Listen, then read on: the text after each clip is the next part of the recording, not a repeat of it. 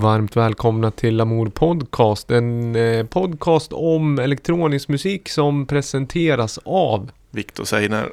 och mig David Holm och eh, dagens gäst Thomas Östergårds. Ja, Välkommen. tackar, Varmt- tackar. Varmt välkommen. En av de mest omnämnda eh, gästerna som första gången här skulle jag säga. Ja, Ja, I, inom den lokala musikscenen, ja men Gävles eh, musikscen och ambientmusikens musikscen så är ju du eh, ofta förekommande liveartist tycker jag. ja, det kanske är. Och sen även known associate till labeln Lamour. Och för nytillkomna lyssnare ska vi förklara. Den här podden handlar om all möjlig elektronisk musik och eh, musikproduktion och eh, lite hur man inspireras av vad man, hu, eh, hur man kommer in när man gör musik och så vidare. Vi ska du har tagit med massa låtar idag. Ja. Och vad heter det, vad ska vi börja med för låt då tro? Eh, vi börjar med en låt av eh, två artister som jag inspireras supermycket av. Eh, det är Atrium Carcery som eh, är en soloakt av Simon Heath som också driver skivbolaget Cryo Chamber i USA. Ursprungligen från Sverige. Och eh, hans kompis Citys Last Broadcast som är Per Boström. Också känd som Kammarhajt. så är det en liten eh, USA-duo. Ja, det kan man väl säga. Fast båda har förflutet i, i Sverige. Ja, Men det är, det är ju det liksom mörkare korridoren av eh, ambient och elektronmusiken vi rör oss i. ja, det får man säga. Dark Ambient, eh, Death Industrial. Ja, det, det är mycket det där gen- genren man kan grotta ner sig. Vi, vi, är, vi ska vi säga, både du och jag Thomas är, rör oss inom samma, ja, samma spektra när vi gör musik sådär. Även om vi inte låter exakt likadant så. Men eh, du, det känns som du är ganska hardcore. Du älskar ju det här mörka. Ja, Och verkligen, jag lyssnar inte lika mycket på Dark Ambient även om jag, jag, ibland. Men jag tror du har lite bättre koll på liksom, overheaden på hela genren. Här. Ja, och till ni som har lyssnat länge så kommer det här bli ett eh, avsnitt när vi verkligen grottar ner oss i den genren. För det använder du, du nämner det ofta i förbifarten just Dark Ambient. Men idag ska vi ta ett eh, lite större grepp på genren. När vi har experter här. Vi, råder lite ljus i den mörka genren.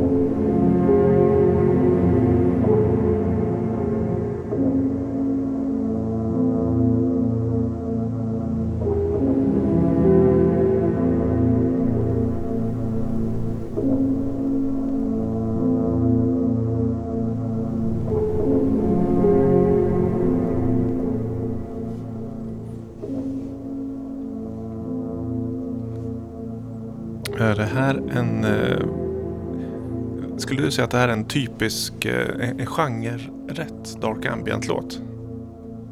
Mm, nej. nej, den, eh, det här är ju mer... Eh, ska man säga? Cinematiskt eller mer hypnotiserande eller Mm. vad man ska säga. Med den här repetitiva tape-loopen som går om och om igen. Eh, Jag tänkte säga det att den var väldigt, eh, vad ska jag säga, soundtrackig. Men jag tänkte också att det, det, är så man säger om ambient musik. Men den där lät Ja. väldigt filmisk på något sätt. ja, och, och det gör ju ofta Dark Mm. Ambient. Men den där var ju lite med ljudeffekten. Det lät ju lite som, det jag kom att tänka på är någon som drar någonting efter en båt. Alltså draggar efter någonting och kan få upp lite var som helst. Någon hink i trä. Och så är det liksom natt och så åker man ut i någon eka och så håller man på att dra. Alltså det var ju Ja. någonting som var, förutom den där loopen som var mer en, eh, vad ska man säga, en eh, field recording av Mm. någonting. Någonting perkursivt. Men är du David en sån här som får upp bilder Ja. så fort du hör musik? Ja. Ja, det, ja och du? Thomas? Ja, det är jag. Det är så, ja, ja. Men hur, då måste man vända på det. När ni då skapar musik, tänker ni då liksom ett bildsoundtrack först? Här har jag ett, eh, ja, ute och åker eka här, nu ska vi göra ett soundtrack till det. Eller skapar musiken och sen så kommer bilderna på efteråt? För min del så är det ju... Ja, det varierar.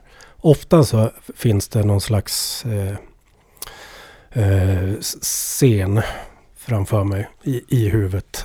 Eller som jag ser som jag sen gör musik till.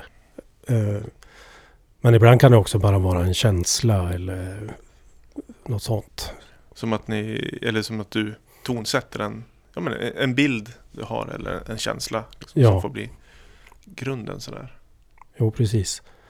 Och det, ja, min eh, senaste EP där, där går, utgår ju hela EPn.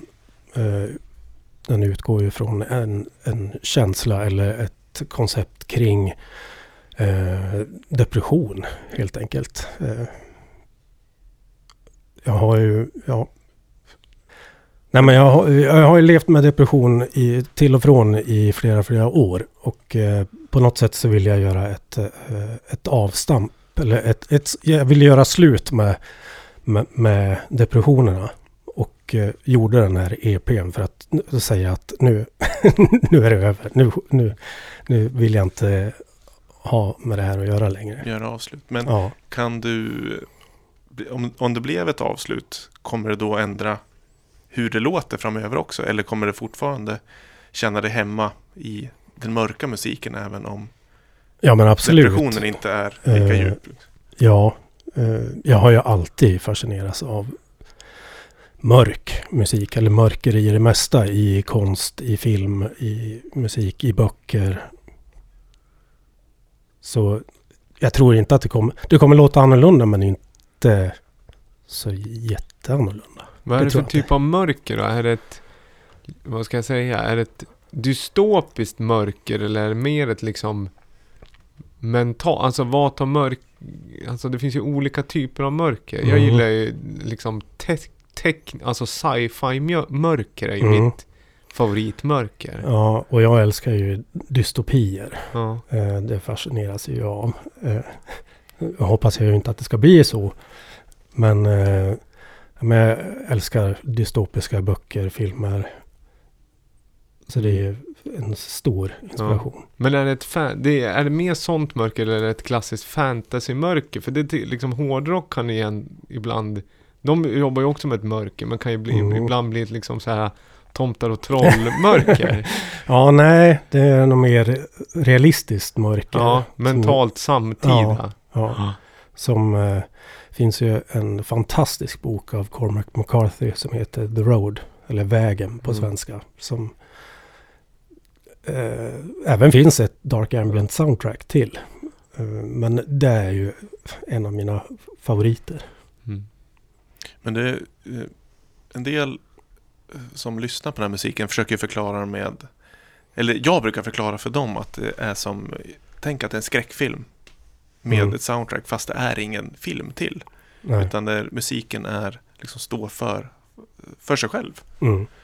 Eh, och det, då får man liksom fylla i resten själv. Som ni säger, att ni får upp bilder och sådär. Att det, är, det är ett soundtrack till ett eh, tillstånd, kan man ju tycka.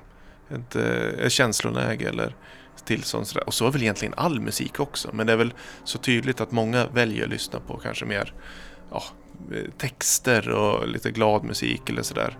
Men man går väl få som grottar ner sig just i den här riktigt mörka, mörka musiken av, av sig själv sådär.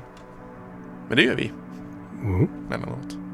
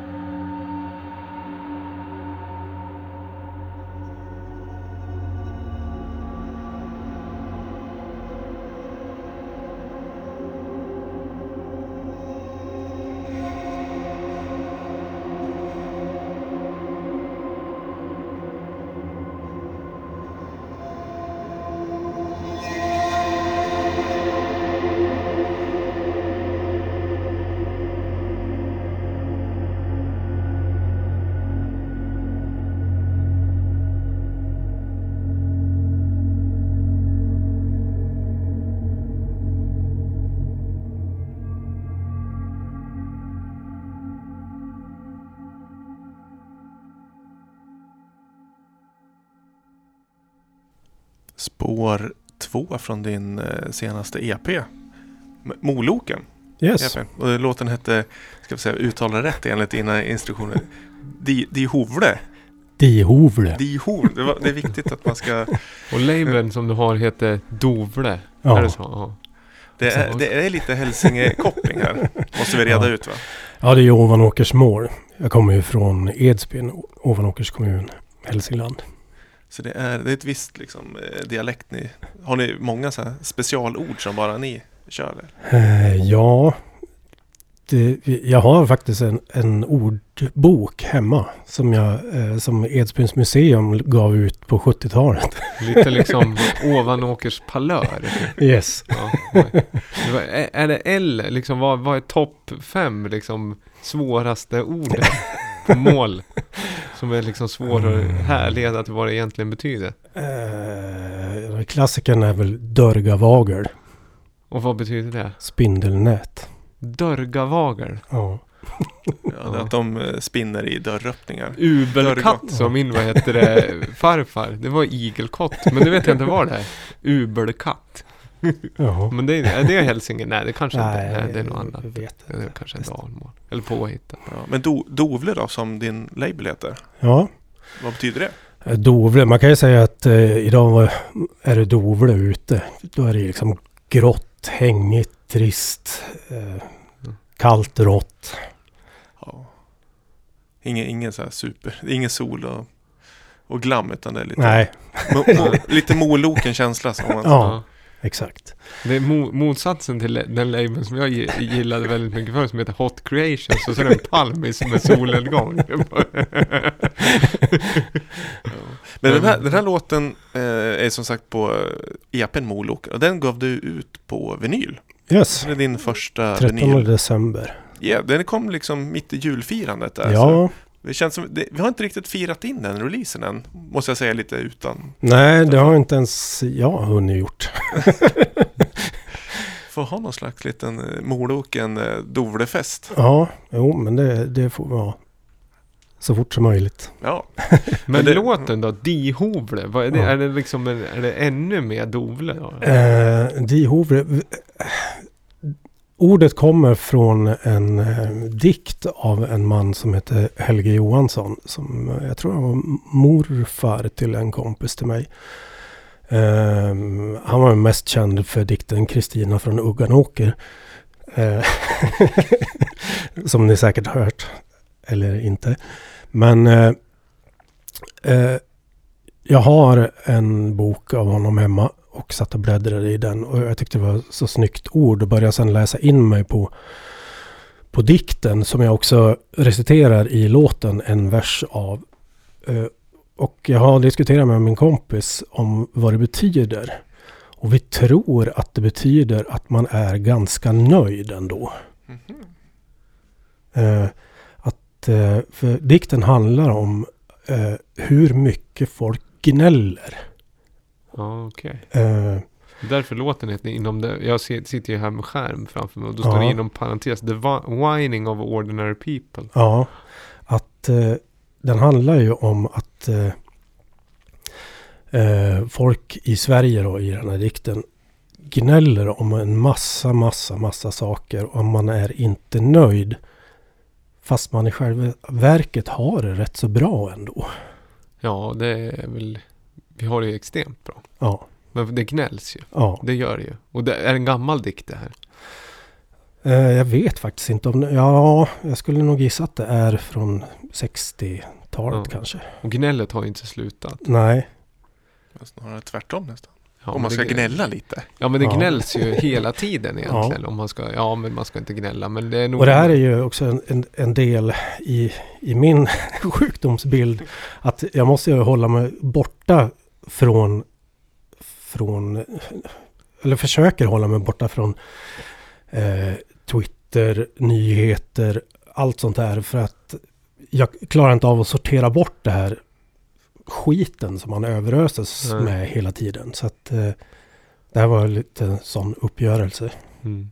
Det tror jag är bra. Och sen apropå vi... Att finna ett, ett lugn Ja. utan att vara ganska nöjd.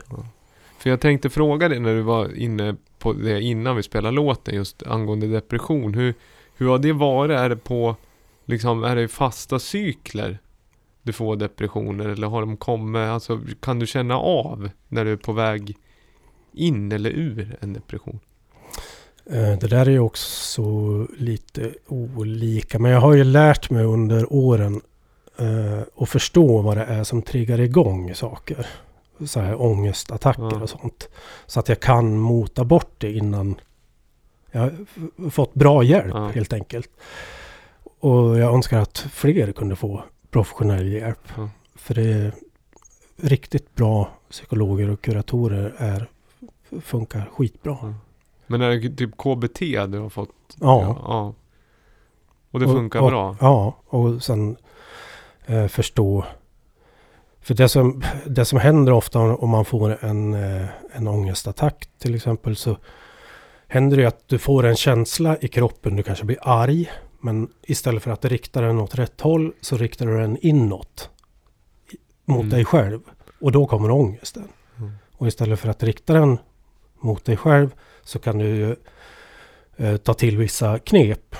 Eh, som till exempel o- om du blir upprörd över att, eller du tror att någon snackar skit om det och så kan du, kan du i, i hjärnan t- eh, gripa tag i den frågan som en vetenskapsman. Leta efter bevis. Finns det bevis på att det är så här? Eller är det bara du själv som hittar på? Och oftast är det ju en själv som hittar på de här sakerna. Eh, och då kan man också stoppa det.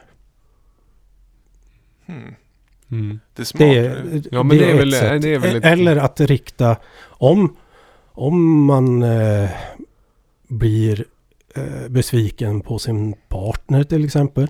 Så kan man istället för att tystna och liksom grotta in sig i sig själv och tycka att man själv är värdelös. Så direkt rikta tillbaka, fråga var, Mm. varför är det så här? Eh, Ja, men att man riktar sina känslor åt rätt håll helt Mm. enkelt. Så. Och hur är liksom, hur länge brukar du, alltså eller historiskt, nu, jag tror att det är ett jättebra sätt som sagt att göra en, alltså att göra en, något kreativt och ta Mm. avstamp så, för då är det också att på något sätt så har du gått visa det. Och då Mm. har du det som ett verktyg att kanske inte hamna där igen eller på samma sätt. Du har ju liksom, nu har du ju ytterligare ett verktyg som du har Mm. använt för att ta dig ur Jo, det. absolut. Och det är ett fantastiskt sätt att kunna få ut något kreativt av, av sina känslor. Mm. Så är det ju. Och, och som också hjälper. Men hur är känslan när du kommer ur den? Alltså är det en tydlig känsla att nu är jag ute ur en depression? Eller är det mer en, vad ska jag säga? Är det en g- Ja, liksom för, min, fade? Eller för vad? min del så, så, så märks det väldigt fort när, när det är över. Mm. Ehm, jag blir ju mycket, mycket piggare och gladare och eh, vill göra en massa saker istället för att bara ligga i sängen eller i soffan och plöja serier Mm. eller vad det nu är jag gör Mm. när jag har de perioderna. Nu hoppas jag ju att de perioderna inte ska komma. Nej, men man får lov, man får lov att vara lite eh, dynamisk i måendet också. Man kan inte Jo. vara liksom supersprudlande jämt. Men Nej. det är väl bra som du säger, just att inte. ta tag i saker. Det tror jag är ett eh, jättebra tips som du sa. Och så tror jag själv ibland har jobbat med saker att man ska vara väldigt konkret just som Mm. så här. Är det här bara en känsla eller finns det något riktigt kring det? Mm. Och sen vara väldigt tydlig med sin, mot sin omgivning också. Mm. Så att, eh, att man inte bara försvinner. Mm. Så att ingen märker någonting. Nej men sen, man måste väl prata mer om det, är väl det tydligaste. Man, jag känner mycket, många i min närhet som man märker, eller har, ja men har dippar och går ner Mm. i depressioner. Det är ju vanligt. Och jag tror också att det är ett, ännu vanligare i den här tiden på något sätt. Eller man visar det mer och allting är mer, man får ju lov, man kan ju ta in eh, så mycket av världen hela, hela tiden. Mm. Eh, Just det här som du pratade om att eh, du kan inte ha Twitter eller nyheter för du blir för eh, påverkad av det. Mm. Och det är ju det är ju nackdelen med ett, liksom konstant informationsflöde. Att man kan ju, om man är så i ett ställe eller en period i ett liv, eh, att man filtrerar ut saker man triggas av. Så kan ju det funka nästan liksom undermedvetet att det är det blicken fastnar på. Det är det som man tar in. Eh, inte att det gick bra för någon i Champions League-finalen. Utan det, brin, det brinner liksom. Världen står i Alltså, Ja. att, Men eh, samtidigt så är det ju, ja, det är ju en oändlig källa till inspiration om man håller på med dystopisk dark ambient. Ja, det har ju skapats väldigt mycket fint och känslosamt ur mörker, helt klart. Och det, när du säger serier och så, det nämnde du lite kort medan vi pratade, att Dark Ambient nu i, vad ska jag säga, absolut närtid och populariserats lite via Chernobyl-serien. Ja, precis. Ja, som är väldigt tydlig. Det var någon eh, eh, tonsättare som i, verkar inom ar- Dark Ambient-genren som har Ja, Eh, eller vad ska man säga, nutida eh, kompositör eh, Hildur Gudnadottir från Island. Eh, som gjorde soundtracket till Tjernobyl. Där hon åkte till systerkraftverket och spelade in fältinspelningar som hon sen gjorde soundtracket av. Och komponerade. är det bästa serien på hela 10-talet det. Kom i slutet, jag skulle nästan säga det. Ja. Ja, Det, det, har, det är väl inte bara vi som säger det. Den har väl vunnit eller blivit framröstad. Sen är ju Succession extremt bra också om ni har kollat på den. Men Chernobyl är bättre för att den är kortare. Ja. Det är snyggt att berätta något stort kort, tycker jag. ja det är ju fantastiskt roligt också för eh, Hildur Gudnadottir har ju också gjort soundtracket till eh, filmen Joker. Som hon Mm. nu vann eh, Golden Globe för va? Och är nominerad till Oscar. Det kommer ju att ta hem utan tvekan. Ja, det tror jag. Men det, är, det, det som är intressant med den musiken är ju att den är mycket baserad på field recordings och som hon har använt som bas. Mm. Och det är liksom vad som går gränsen mellan ljuddesign i filmen och vad som är musikkomposition. Den glider i, i och ur hela tiden. Mm. Och det är så skönt för det, det blir verkligen att ja, men det går inte att säga när det är eller vad det är som är när. Utan det är, Nej. hon har skapat material som sedan används. Och field recording ska vi säga också för er som har lyssnat på den här podden länge men kanske inte så inne i just den liksom, produktionstekniska saken är helt enkelt att man går ut och spelar in ett, eh, en verklig miljö, ska man säga så? Ut med mikrofonen. Ja, Ja, man går ut med en leta ljud. mikrofon och spelar in eh, Ljud det- ja. som finns Ja. runt omkring oss. Men oftast lite längre eh, inspelningar gör man väl? Eller gör man små Foley-effekter? Man spelar väl inte, man kastar inte en sten i en eh, sjö och så tar man bara det och gör en loop? Eller? Jo, Det kan man också ja. göra, men jag kopplar det till längre grejer. Som Martin Hammond va, i, i Factory Rec- den eh, bra scenen han åker ut på skotska landsbygden. Har ni sett den? 24 hour party people. När han spelar in Joy Division. Och så står han Shut up, I'm recording silence! så står han på en kulle, för de vet inte, han har försvunnit och de vet inte var han är någonstans i, under liksom inspelningsperionen. Då har han åkt ut och ska spela in tystnad. Då gör han egentligen en field recording. Men det är liksom varenda, ja, men jag skulle nästan våga säga varenda dokumentär om en person som jobbar med elektronisk musik är ju en bild när de går ute med mikrofon och letar. Mm. Försöker vara lite så här småintellektuell och, och leta ljud och sådär. Mm. Och det, det är ju många som använder så, men just att det blir så tydligt att det är höjden av kreativitet. Att gå runt i skogen och leta ljud eller gå i ett industriområde, knacka på lite saker och sådär. Apropå field recordings, det är ju någonting som har nämnts mycket i segmentet Slims smala skiva som vi ska, vi, det är ett vanligt avsnitt det här, som vanligt. Vi- De fasta segmenten flyttar vi inte på i första taget.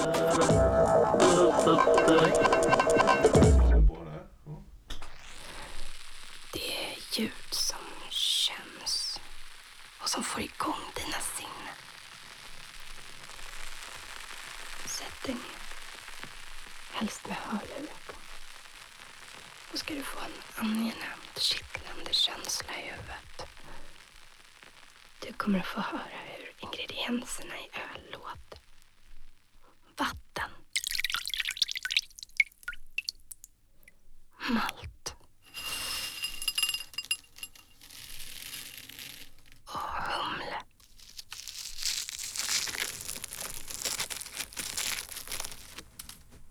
Du får följa med mig på den mest närgångna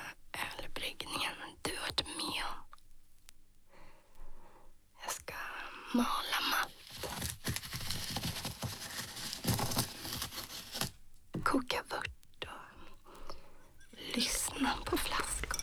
Koka vört, Koka vört. koka vört och det fanns Nej, David, vad tycker du om det här? Ja, men det här tycker jag var... Det är en sån här ASMR. Vad he, heter det så va? Ja. Genren. Vad står det för?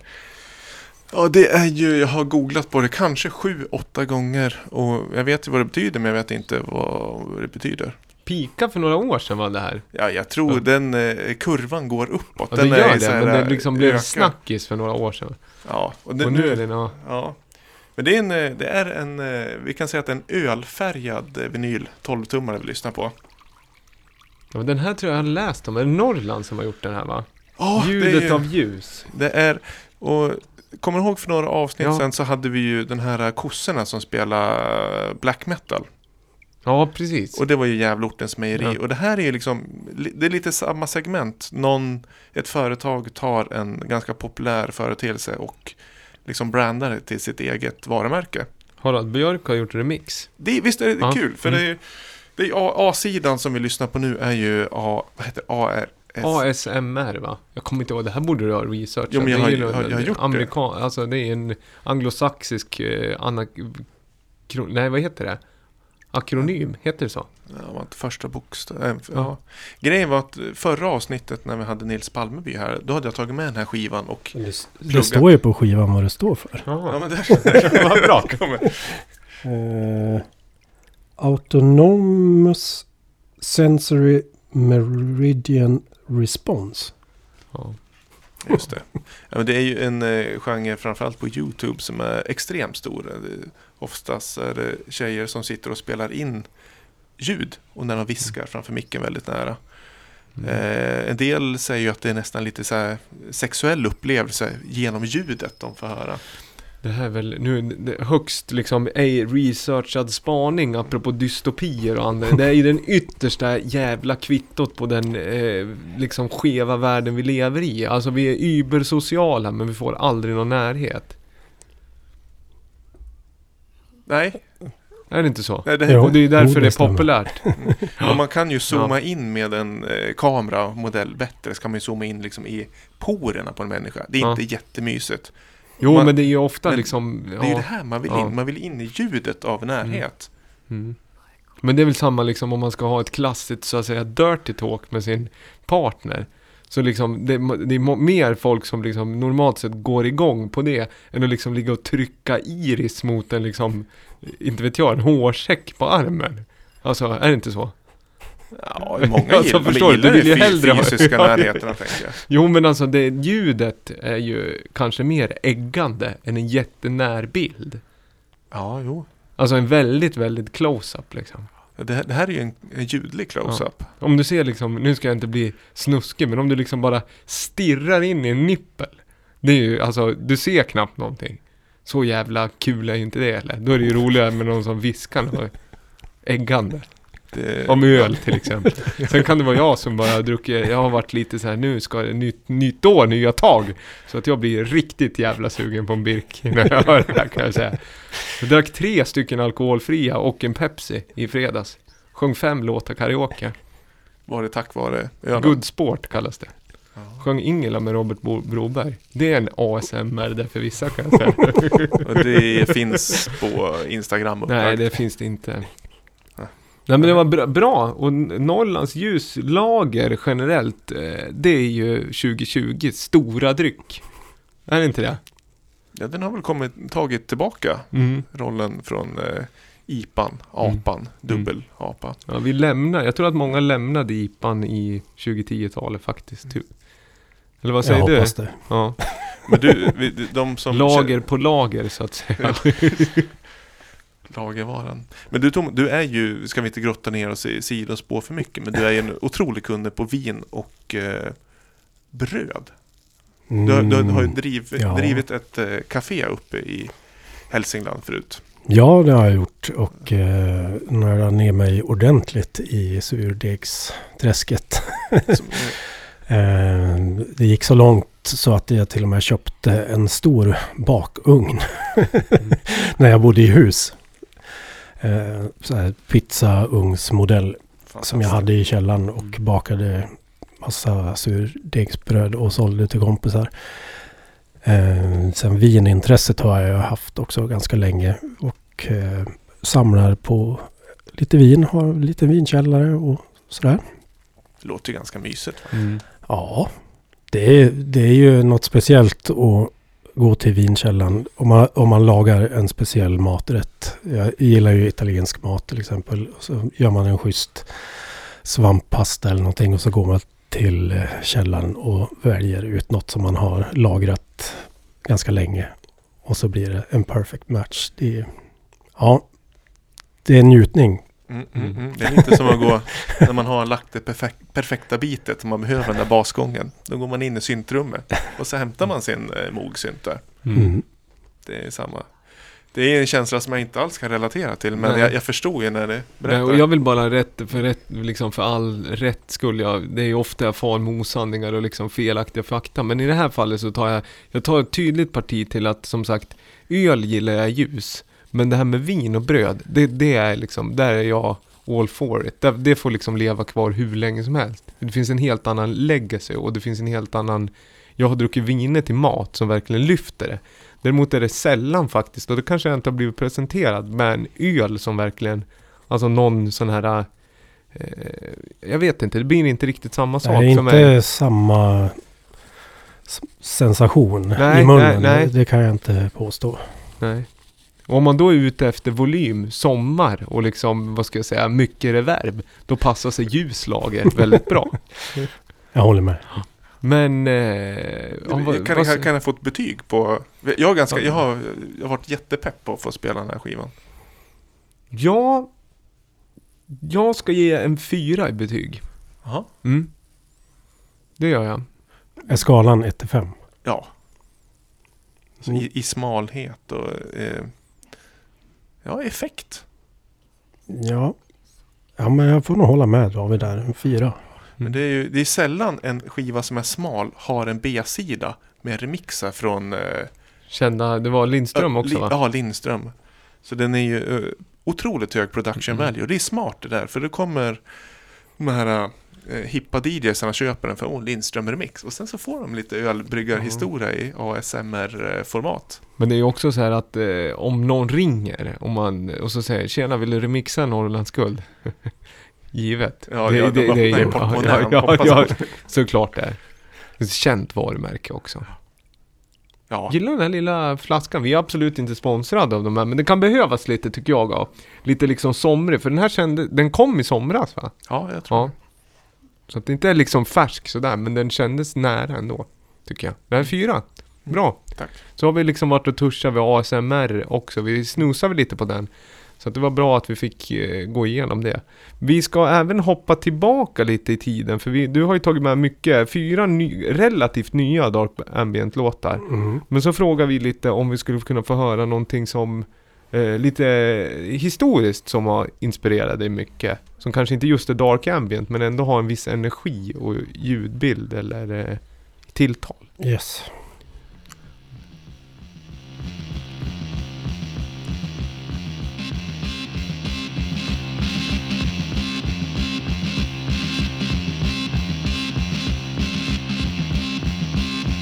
Ghost Rider, motorcycle hero.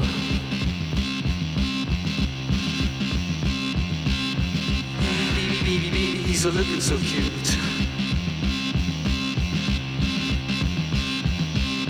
Sneaking round, round, round in a blue jumpsuit.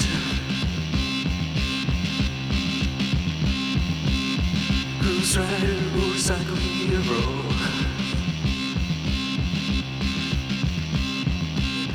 Baby, baby, baby, baby, he's a blazing away. Stars, stars, stars in the universe. Ghost Rider, motorcycle hero.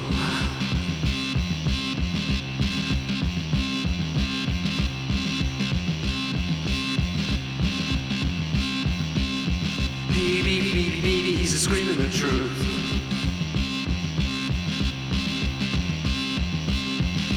America, America is killing its youth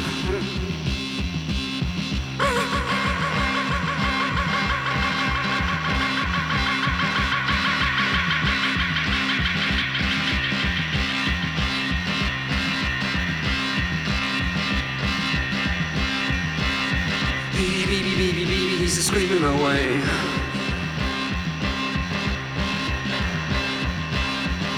America, America is killing its youth.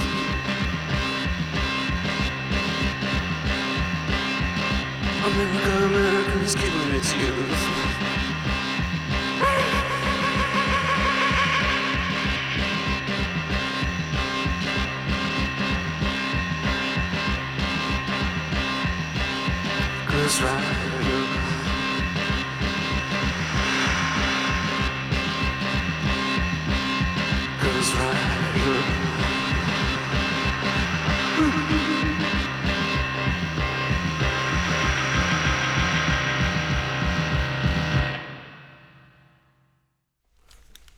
Suicide med Ghost Rider. Eh, Suicide är ju en, eh, vad ska man säga Thomas? Vill du avas eller liksom presentera Suicide kort för lyssnare som inte är inlyssnade på dem? Ja, vad ska man säga om Suicide? Är det, är det lo-fi? Är det liksom ur-lo-fi på något sätt? det?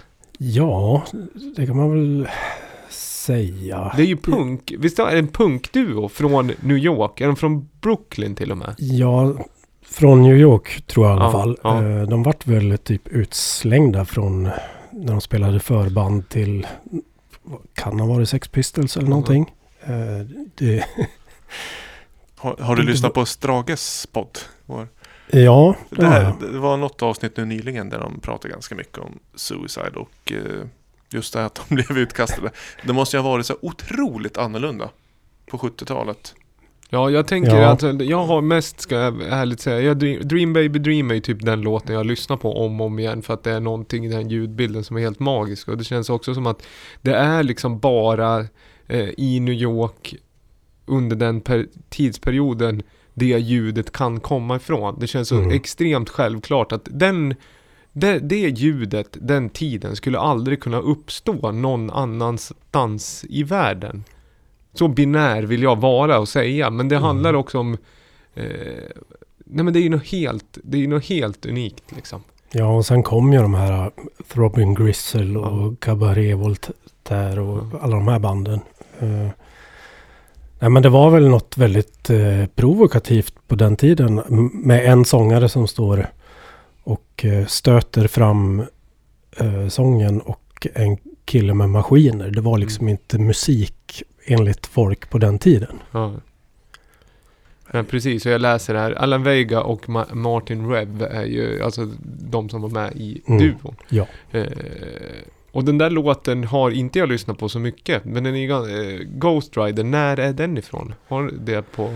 Den den är ju från den första skivan. Eh, Den kommer väl där i slutet av 70-talet någon Ja. gång va? Tror jag. Jag kan inte årtal sådär. Eh, Ja, precis. Eh, 77 ja, läste jag här. när jag föddes. Ja. Det, Det är liksom... Den där låten är... För mig är det där liksom den ultimata danslåten. Nej men den är ju väldigt rytmisk och medryckande. Det tycker jag Ja. även trots att den kanske inte är klassisk, vad ska jag säga, som danslåt. Att den ska, vad ska jag säga, sonically embracea en fullt ut. Nej. Liksom, för den jobbar ju inte, den adresserar ju inte skitmycket studs i dojan. men den, den, den är ju mer liksom något så här äh, nästan spastiskt liksom Ja. i övre koterna som händer. Alltså ja, det är ju någonting. ja, men lite mer... eh, Jolt Cola-aktig liksom. Lite mer Ian Curtis-dans. Ja, exakt. Seizure groove liksom. Ja. Men, men, men om man tänker på att det där var otroligt eh, alltså nyskapande och folk blev irriterade. Vad som är motsvarigheten idag. Vilken typ av musik, om det finns eller har allting liksom redan Du var ju Ja. på P3 Guldgalan och det har ju blivit liksom, det har ju blivit en vattendelare. Jo, Men det är ju mer politiska utspel. Ja, hiphop och även, eh, vad heter det, rockbandet som vann Arre Arre. Ja men det, alltså, att säga fuck Jimmy i tacktal. Oh, det är liksom Det halva känns- Sverige, eller mer än halva tycker, liksom håller med. Det är liksom inte så att det var... Det var Det är inte, en polariserad ingen, fråga, Ingen alltså. på Nej, ögonbrynet. Nej, väl där, men det är ju också liksom, ja, det är ju där Sverige är liksom och då blir det, det är också inte så konstigt att det är just i kommentarsfältena tones revvas upp. Liksom.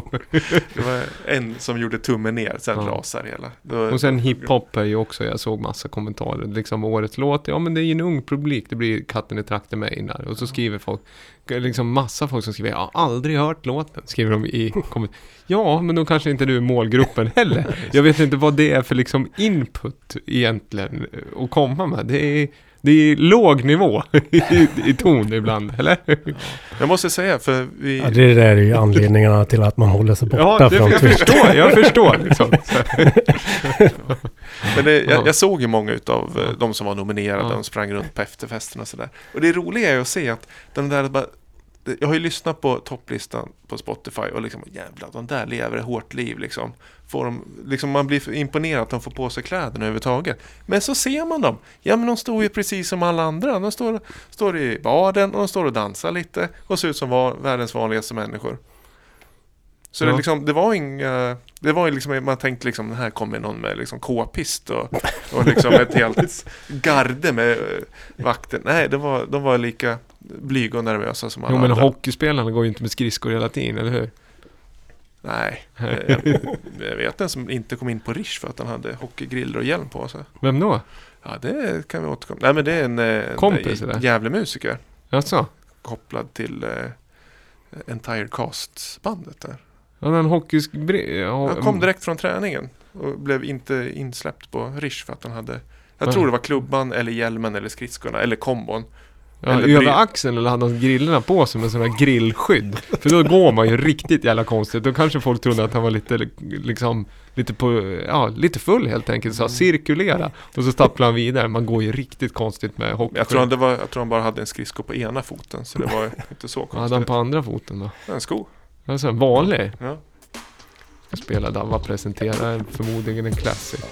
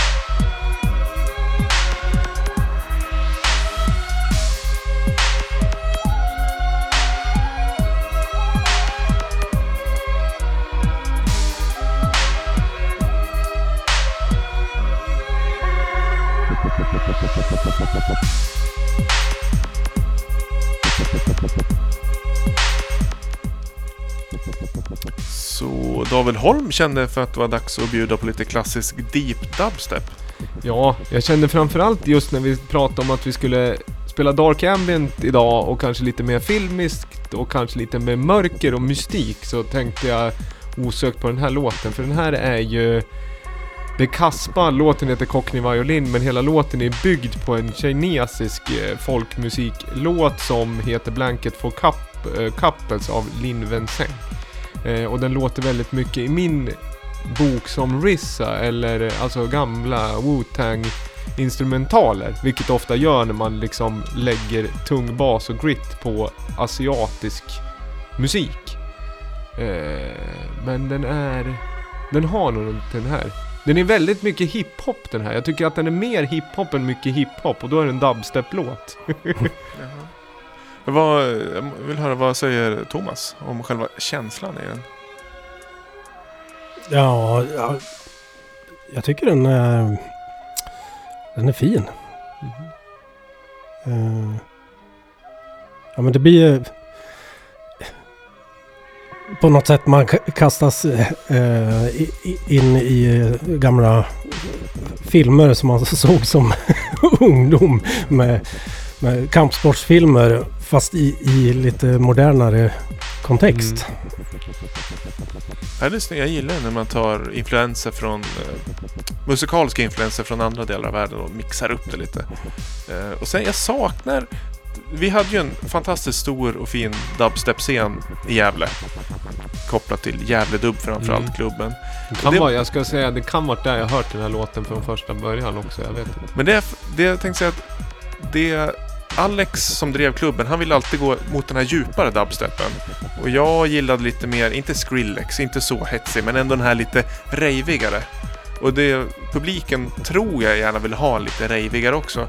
Och så här i efterhand så uppskattar jag väldigt mycket att just den här djupare dubstepen, för det kändes som den var mindre en fluga och mer bestående. För det är väl den typen av dubstep man fortfarande ser att det släpps ganska mycket. Det här Burial, post Ja, men det är väl liksom så här, de som banade väg, alltså Burial med Archangel är ju liksom den låten egentligen som satte dubstep på kartan och även Scream med Midnight Request Line och även kanske Benga och Cookie med Night. Och sen kom Kaspa och Rusko, det här är en tidig Kaspa-låt på Dub Police eh, från 2006. Eh, sen kan det väl vara ganska naturligt, du kommer från ett elektronikas håll och då vill du ha ravey dubstep. Eh, vad heter det?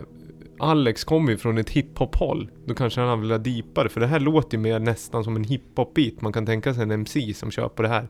Medan det är jättesvårt för en MC att hitta luft i till exempel, eh, vad ska jag säga, Scary Monsters and Night Spirits. Alltså någon Skrillex-låt. Det finns liksom inte plats för MC att göra någonting i en sån låt. Betyg på den där då? Eh, jag tror jag ska chocka lite med att säga 4,8. Det var s- starkt betyg. Mm, jag säger tre och en halv. Ja, bra, bra. Att det inte liksom blir något... Det ska inte bli överdrivet. Burial har jag ju lyssnat extremt Ja, ja. mycket på. Ja, den där är ganska basic, den där låten. Mm. Det är mycket en sampling och tidens produ produktionsknep. Ja. Liksom. Vilken, är vilken tid snackar vi om då? 20, 26. 26, 06. Ja, 06. Ja. Sen har jag, kan jag gott och väl säga att jag har aldrig varit någon sån här jättekonnässör av dubstep. Utan jag har liksom plockat upp hitsen. Ja, Liksom. men det är väl som en trillingnöt i Aladdin-asken. TN ja. Ja, Mm. ta fram den en, ett par gånger vid jul. ja. Då har vi börjat lyssna på något annat. Ja, det, är, det är lite som vi får ett eh, soundtrack till eh, pratet här. Mm. Det, vi brukar ju köra låtar i bakgrunden sådär. Alla Men- låtar läggs till i Lamour Podcast Tracks spellistan på Spotify också. Det gör en. Men jag är lite intresserad av eh, dig Thomas. Du släppte ju ditt debut-EP 2018.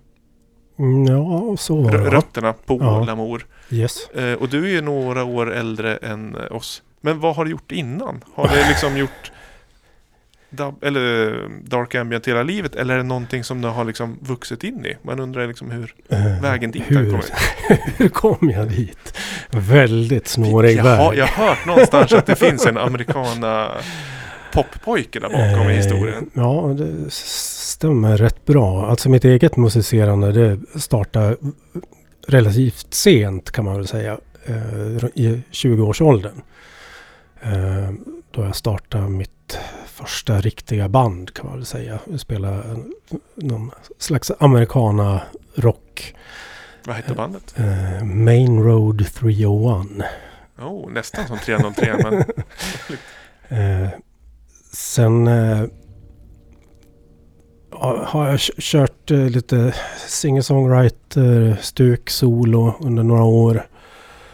Haft några till band uppe i Hälsingland. Spelat lite eh, svensk eh, countrypunk kan man väl säga nästan.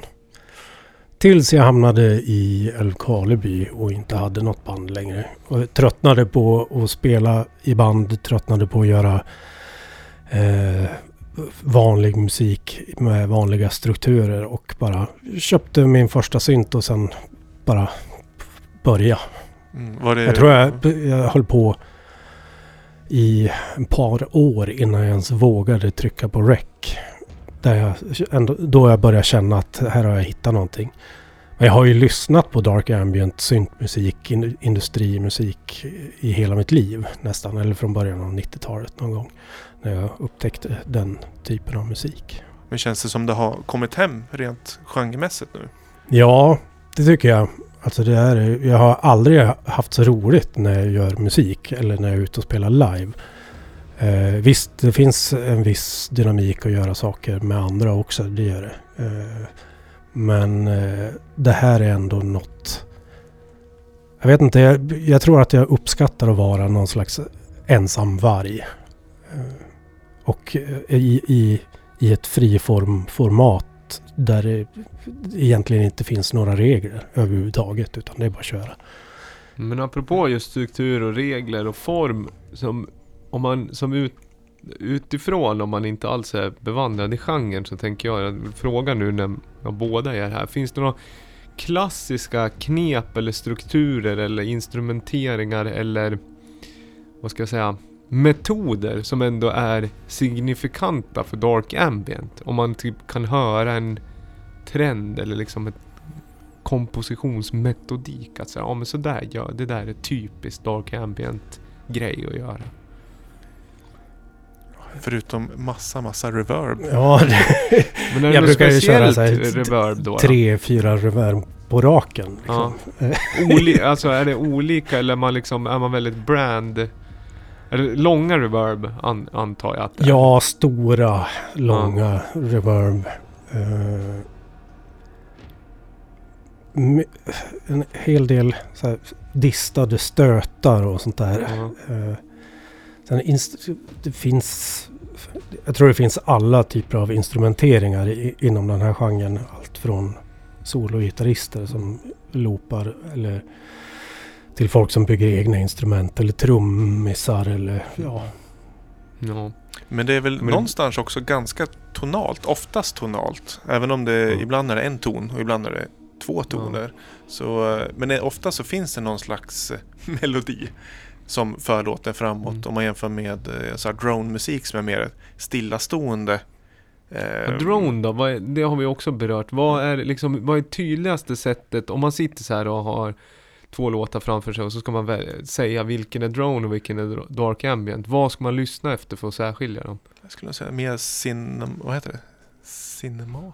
Det är mer rörelse i dark ambient då? Ja, jag skulle nog tycka det. Ja, Mer komposition egentligen. ja det är det.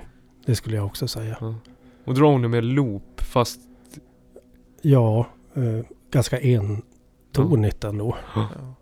Och sen finns det ju i genre finns det ju helt själva estetiken. Och det kanske inte jag gillar så jättemycket men det är väldigt mycket det här eh, ja, men, eh, svartvita, eh, rök, ja, dimmiga skogar och, och liksom det här mörkret. Och lite, ja, liksom det darka. Mm. Eh, och det, det är väl klart att det är väl ganska traditionellt kopplat till liksom mörker generellt i Mm. populärkultur. Så, eh, och det hjälper ju kanske till att få lyssnaren i det tillstånd som man vill få med hjälp av artwork till och sådär. Ehm, Men jag som inte ser bilder framför mig när jag lyssnar på musik tycker jag att det är lite skriva folk på näsan. Men art, artwork? Ja, men hela den estetiken runt omkring. De, alltså inte så att jag stör mig, men det spelar ingen roll för mig om det är en, eh, som du sa, en eh, rosa flamingo. Nej men och sen estetik, alltså estetik kontra musik är ju oftast det man kommer ihåg som är mest utstickande i de som står i bjärt kontrast med egentligen innehållet. Man tänker på Warhols Banan till exempel och Mm. på, vad heter det, Velvet Underground. Det är ju klassiskt omslag. Då kan man säga att Thomas nya EP är ju, den är, följer en viss eh, tradition, men det som är unikt är att du faktiskt frontar ditt eget omslag. Ett Mm. foto. Det är inte ofta man ser bilder på själva artisten i Dark Ambient-genren. det kan jag inte påstå. Jag vet inte. Jag kan inte komma på ett annat omslag som har själva artisten på omslaget faktiskt. In, nej, inte vad jag kan komma på nu. Så svaret på min fråga om man liksom de kända med distade stötar, mycket reverb. Och ibland blir liksom nästan Och filosof- fältinspelningar. Ja. Och f- ibland kan det nästan bli en filosofisk fråga vad man skickar igenom. För om man skickar någonting genom tre reverb till slut spelar det inte så himla mycket roll vad man skickar igenom. Det är ju reverben som låter. Är det inte så? Eh, ja, Lite. Jo, ja lite. Ja. Jag vågar ju nästan inte säga här när Viktor sitter här att eh, låten vi lyssnar på från min platta Mm. Diore finns det inte en synt i. Nej. Nej, men det är... Det är gitarrer. Ja, ska det vara gitarr så är det väl sådär. Ja men det är väl det som du säger David, det kanske inte spelar roll vad man stoppar in. Det är liksom, det är som här korvmaskinen, ut så kommer en korv i alla fall. Oavsett om det är... Ja, Man vet inte. U- ursprung liksom okänt. Vi kanske ska skapa Dark Ambient-maskinen.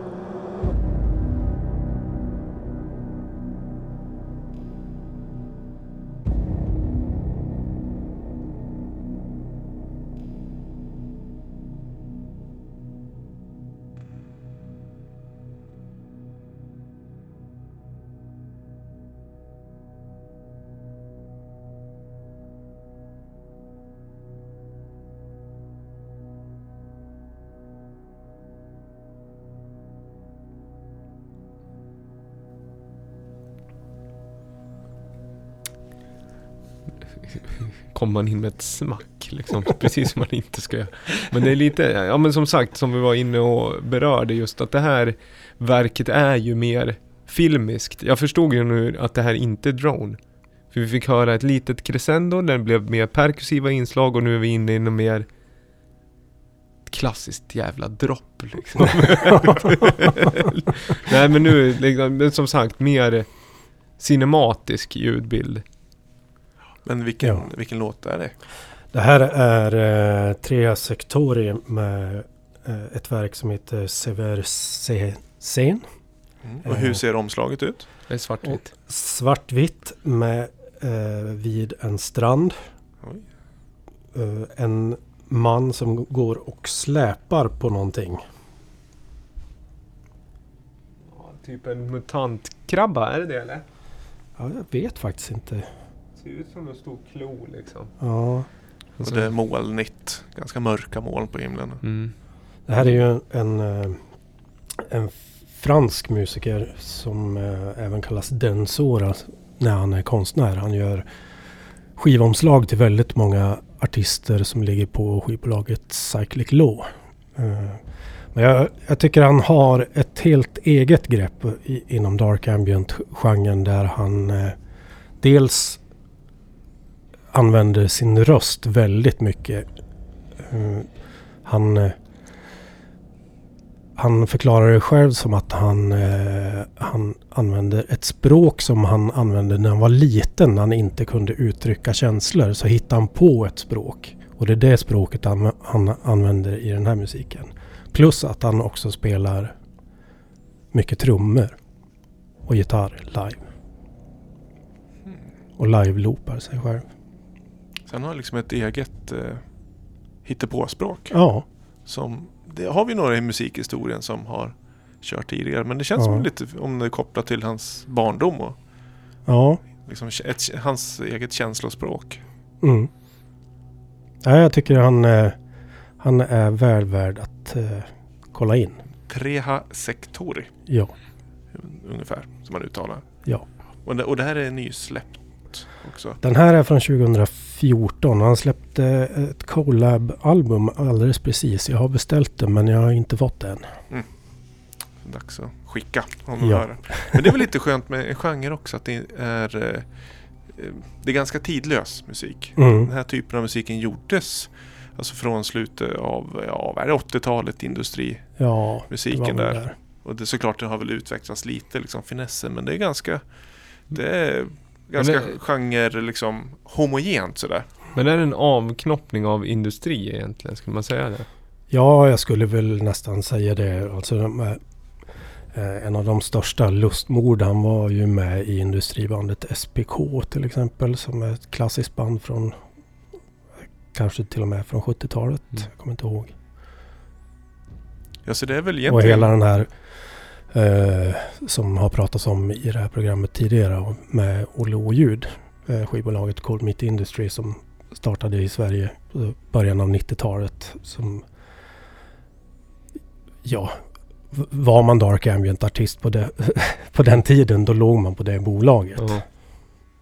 ja, för att det känns ju som att man tar avstamp, alltså dark ambient kontra vanlig ambient tar avstamp ganska på två olika ställen tänker jag. Mm. Och i alla fall vissa som kallar ambient musik, vi- det har vi varit inne på liksom easy listening och healing musik, alltså att Mm. det, det är väldigt Det liksom, kommer väl snarare mer från industri och punkscenen skulle jag säga. Ja, ja.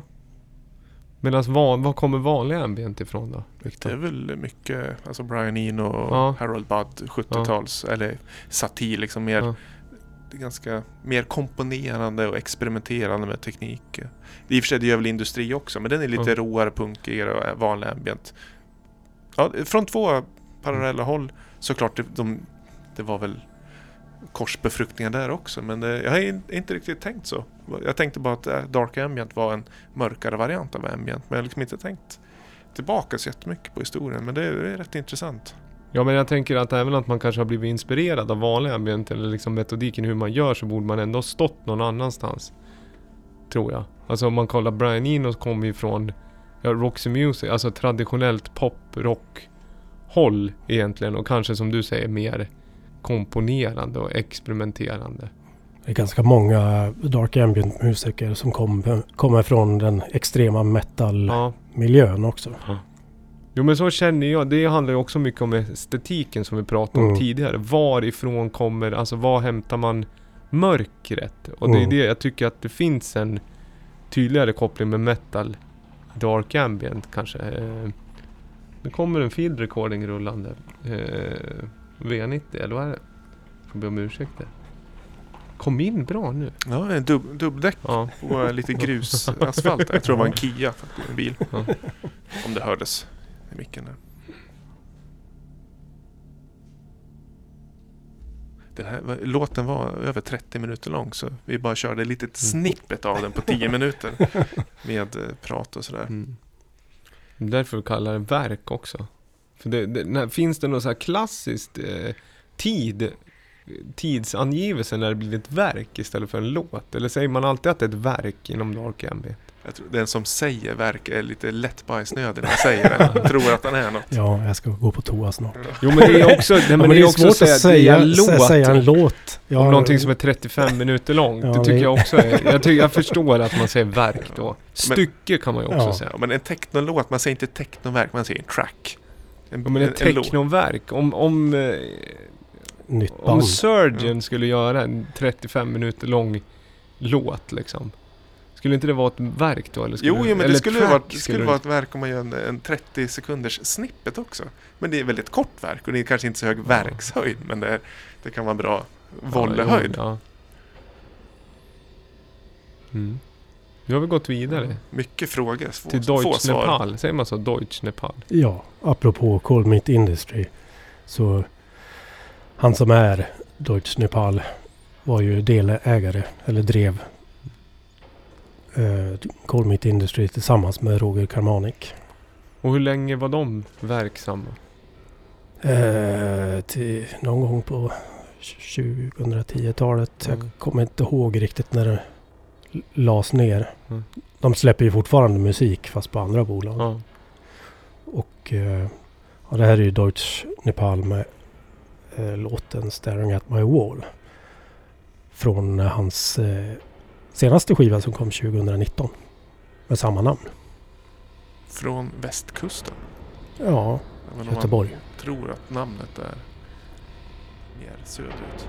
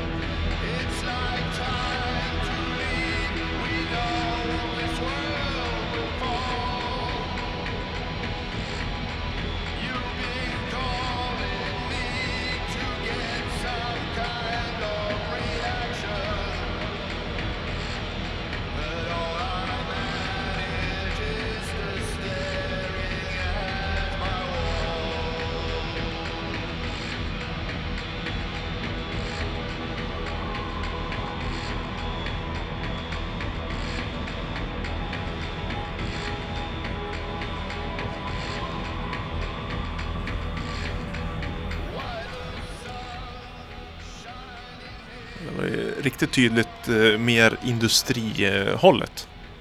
Deutsche Nepal. Vad hette låten sa vi? Staring at my wall. Glo på väggen Ja, som vi säger. Lite tematiskt deprimerande. Eller vad man ska säga. ja, det är väl ett tillstånd som de flesta känner igen sig i, skulle jag tro. Att man ibland hamnar bara stirrande i väggen och funderar på vad fan är det Ja, för mening med allt? och ibland så är det inte ens en vägg framför utan det Nej. är bara någon så här imaginerad stoppkloss där.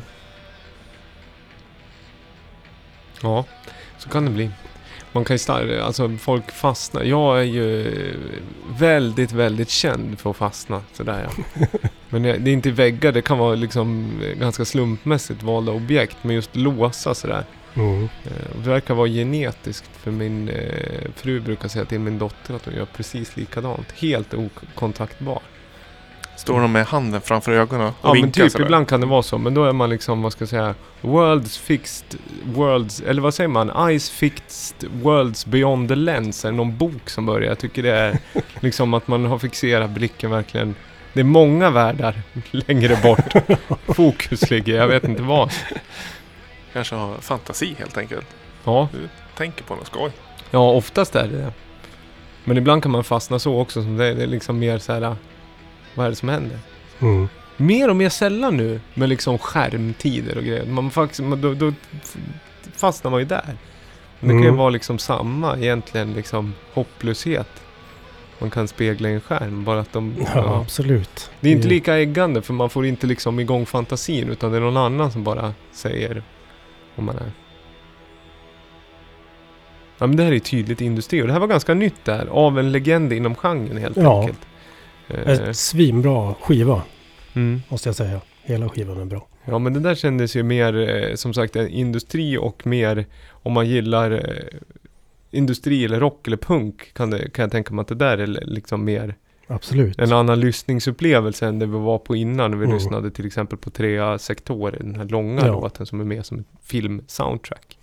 Eh, vi ska försöka runda lite kort och även eh, berätta om vad som händer i lä- liksom länet och kring labeln och lite allmän uppflaggning för februari. Där vi, vi är snart i februari alltså. Ja, Månadsskiftet närmar sig. Ja. Du, du, du, du, du, du, du, du, du, du, du, du, du. Jag läser innantill i min kalender. 13.00, ring Anna står det. Men det har ingenting med upcoming offentliga saker att göra. Utan vi har den 24, då kommer Vid fronten. Den också en långkörare som har släppt lite singlar från Slimvik, min egen och Lenbergs musik till teaterföreställningen, Folkteatern vid fronten. Men eh, på arrangemangsfronten så har vi 25, nämnde vi redan förra avsnittet, Hausstrasse. Är tillbaka på Voo Social Club. 23 till 03. 20, ja, 22 till 03 tror 22 jag. till 03. Med eh, House. Det kan Ja. man ju liksom eh, höra på namnet. Eh, med eh, Residence DJ denna gång. Det är, eh, jag får värma upp och sen så är det Jimmy Koskinen och Alexander Avra som tar ett slags back-to-back fram till stängning. Precis. Och Alexander Avra som även är ena halvan av Monotic som blev nominerad till årets live på Local Heroes-galan som eh, anvilade de nominerade i, vad var det, i fredags va? I fredags. Ja. Men vad roligt att du nämner det. Ja. För eh, vi kan ju också tillkänna att eh, Lamour-artisten Maneten har klivit in på en nominering på årets eh, solo. Ja, superkul. Ja. Tacka till er som tipsade. Det betyder mycket. Det var en eh, positiv överraskning. Jag trodde inte det var den, eh, liksom, vad ska jag säga, kategorin ens man skulle bli omnämnd. Nej, vi, jag, jag trodde nog att du skulle kunna kvala in på albumdelen. Men Ja. jätteroligt solo. Det kan säga, redan förra året så var ju Östergårds nominerad som Mm. årets nykomling också. Helt fantastiskt att vara nykomling när man är 42. Ja. Som också, det har vi inte ens sagt, som gör ju musik under Ostergards är ju också. Ja, sta, stavningen. Stavningen och även Instagram-kontot va? Ja, Och är det Facebook-profilen också? Ostergards. ja. Men jag fick reda på alldeles innan att det är ju bara, det uttalas Östergårds ändå. Mm. Man ska inte Ja. säga Liksom, Det är taget från skiv, flygbiljetterna. Det får ju inte finnas å, ä, ö Nej. på flygbiljetterna. Så då skrivs det om automatiskt till Oestergaard. ja, Så det blir lite mer internationellt sådär. Just det. Ja, men det är som ditt, du hette ju David Hölm från början. nej, Sen så tog jag inte. prickarna bort. Det gjorde jag inte. Vad är det för liksom, vad ska, gärskodifiering och mitt ytterst jävla vanliga efternamn? Tömas också. Det är rockigt. Ja. Kommer du ihåg? Det fanns alltid några som sa, envisades och säga motörhead. Alltså som du hade liksom verkligen tagit det ordagrant. Ofta de som var lite utav kalenderbitar i skolan. Liksom och så bara, de, de, som cyklade BMX och liksom kunde göra långa wheelies, de sa motorhead. Men då kom det någon lite så här cardigansaktig kille, kanske med fluga, som sa motörhead. När han väl liksom blev tvungen att lägga det i munnen. Det kommer jag ihåg. Det blev en hölmgång. Cool gång. Ja. Tjofräs. Nej men du, det är, väl, eh, det är väl det som händer. Vi har eh, Vilka mer är nominerade? Alltså det är eh, Lemberg också eller? Lemberg som producent. Dark. årets album. Vi har en del hiphop. Vi har en eh, syntbody på årets musikvideo. Det är ju totalt sett tio kategorier. Ah, Silverhöjd musikvideo också. Så det, är, det finns mycket liksom eh, Lamour affiliated ändå. Ja, en Det är del. roligt. En, en del finns Mm. det. Och det är ju galan är den 22 februari på Gävle konserthus. Mm. Det blir riktigt supersnyggt. Men eh, Japo En- Japansk break, eh, tribal eh, basscore musik blir det den åttonde. Det tycker jag är kul. På Kungen i Sandviken. Wack Wack Kin Kingdom. Eh, en DJ som, nu har jag glömt namnet, som har släppt på Ninja Tune och Warp. Och Warp, ja. ja. Rolig bokning. Så har ni ingen, liksom är ni i Sandviken, vill se eh, ett, en bra bokning, eller Gävle, åttonde. Det är alltså nästa lördag blir det va? precis, nästa, 8 Nej, näst, nästa blir det till och med. nästa. Ja. Samma dag om det är i Stockholm så är det in-store release party på Snickers Records för Daniel Araya och eh, hans EP Warehouse som kommer på Acid Lamour. Det är 004 som kommer Mm. fjärde Acid Lamour-släppet. Och vad har du dragit på för låt? Warehouse Acid med Daniel Araya. Ja men vilken slump. Jaha. Det är ju, den släpps på vinyl den 31 januari. Mm. Släpps den. Eh, och den är ju vinyl only i tre månader och tre dagar. Så det här kanske är enda chansen man kan få njuta lite av. Det har fått bra, f- eh, har fått bra promo-feedback va? Ja, DJ-feedback. Mm. Luke Slater och Black Madonna Mm. bland annat. Och så var det även en downloaded för RH till. Ja, och känner sig hedrad. Det är, det är ju lite, lite av en trop det va? Downloaded för RH till. Eh, vad heter det? Men vad är det mer? Är det något mer vi har? Ah, nej, vi hinner ju göra fler avsnitt Mm. innan dess. Ja. Klubb 850 är tillbaka, drar igång. Ny lokation. Ja, ja, ja, Blandad liksom, blandat utbud. Med Sö- gäster hela Söder- Söderbacka. Söderbacken. Maj, Maj-Hanna kommer. Nej, Jan Hanna. Jan! Janu- Hanna J bland annat. Många kända lokala DJs kommer gästa under vår säsong. Eh, och sen så har vi mer. Lamour har ju mycket i pipe. Som alltid, som alltid. Ja, Kommer nya podcastavsnitt nästan varannan vecka kan man vara så säker. du ska, det är Grammis-nomineringar. Grammisgalan är kvar. Motormännen Manifest är väl också här snart. Manifest, ja. Ja. Vi håller väl så. Februari snart. Och man märker på morgonen att det blir lite ljusare. Vad tycker du om det då? När man ska göra Dark Ambient. Är det jobbigt att det blir ljusare? Nej, absolut inte. Jag, jag älskar ju sommaren. Ja, vad bra. Och För, och min, min EP som jag släppte, den är faktiskt inspelad under högsommaren. Och den kan man lyssna på eh, på Spotify och följa även Ostagards på Spotify och Ja. Instagram. Man kan även köpa vinylen på Bandcamp. Mm. Och på Lamour. Ja, Shoppen. den finns överallt. Och Lamour, även Little Dark Cakery, alltså fysiska store. Den är öppen igen efter juluppehållen och så. Känns du nöjd så eller?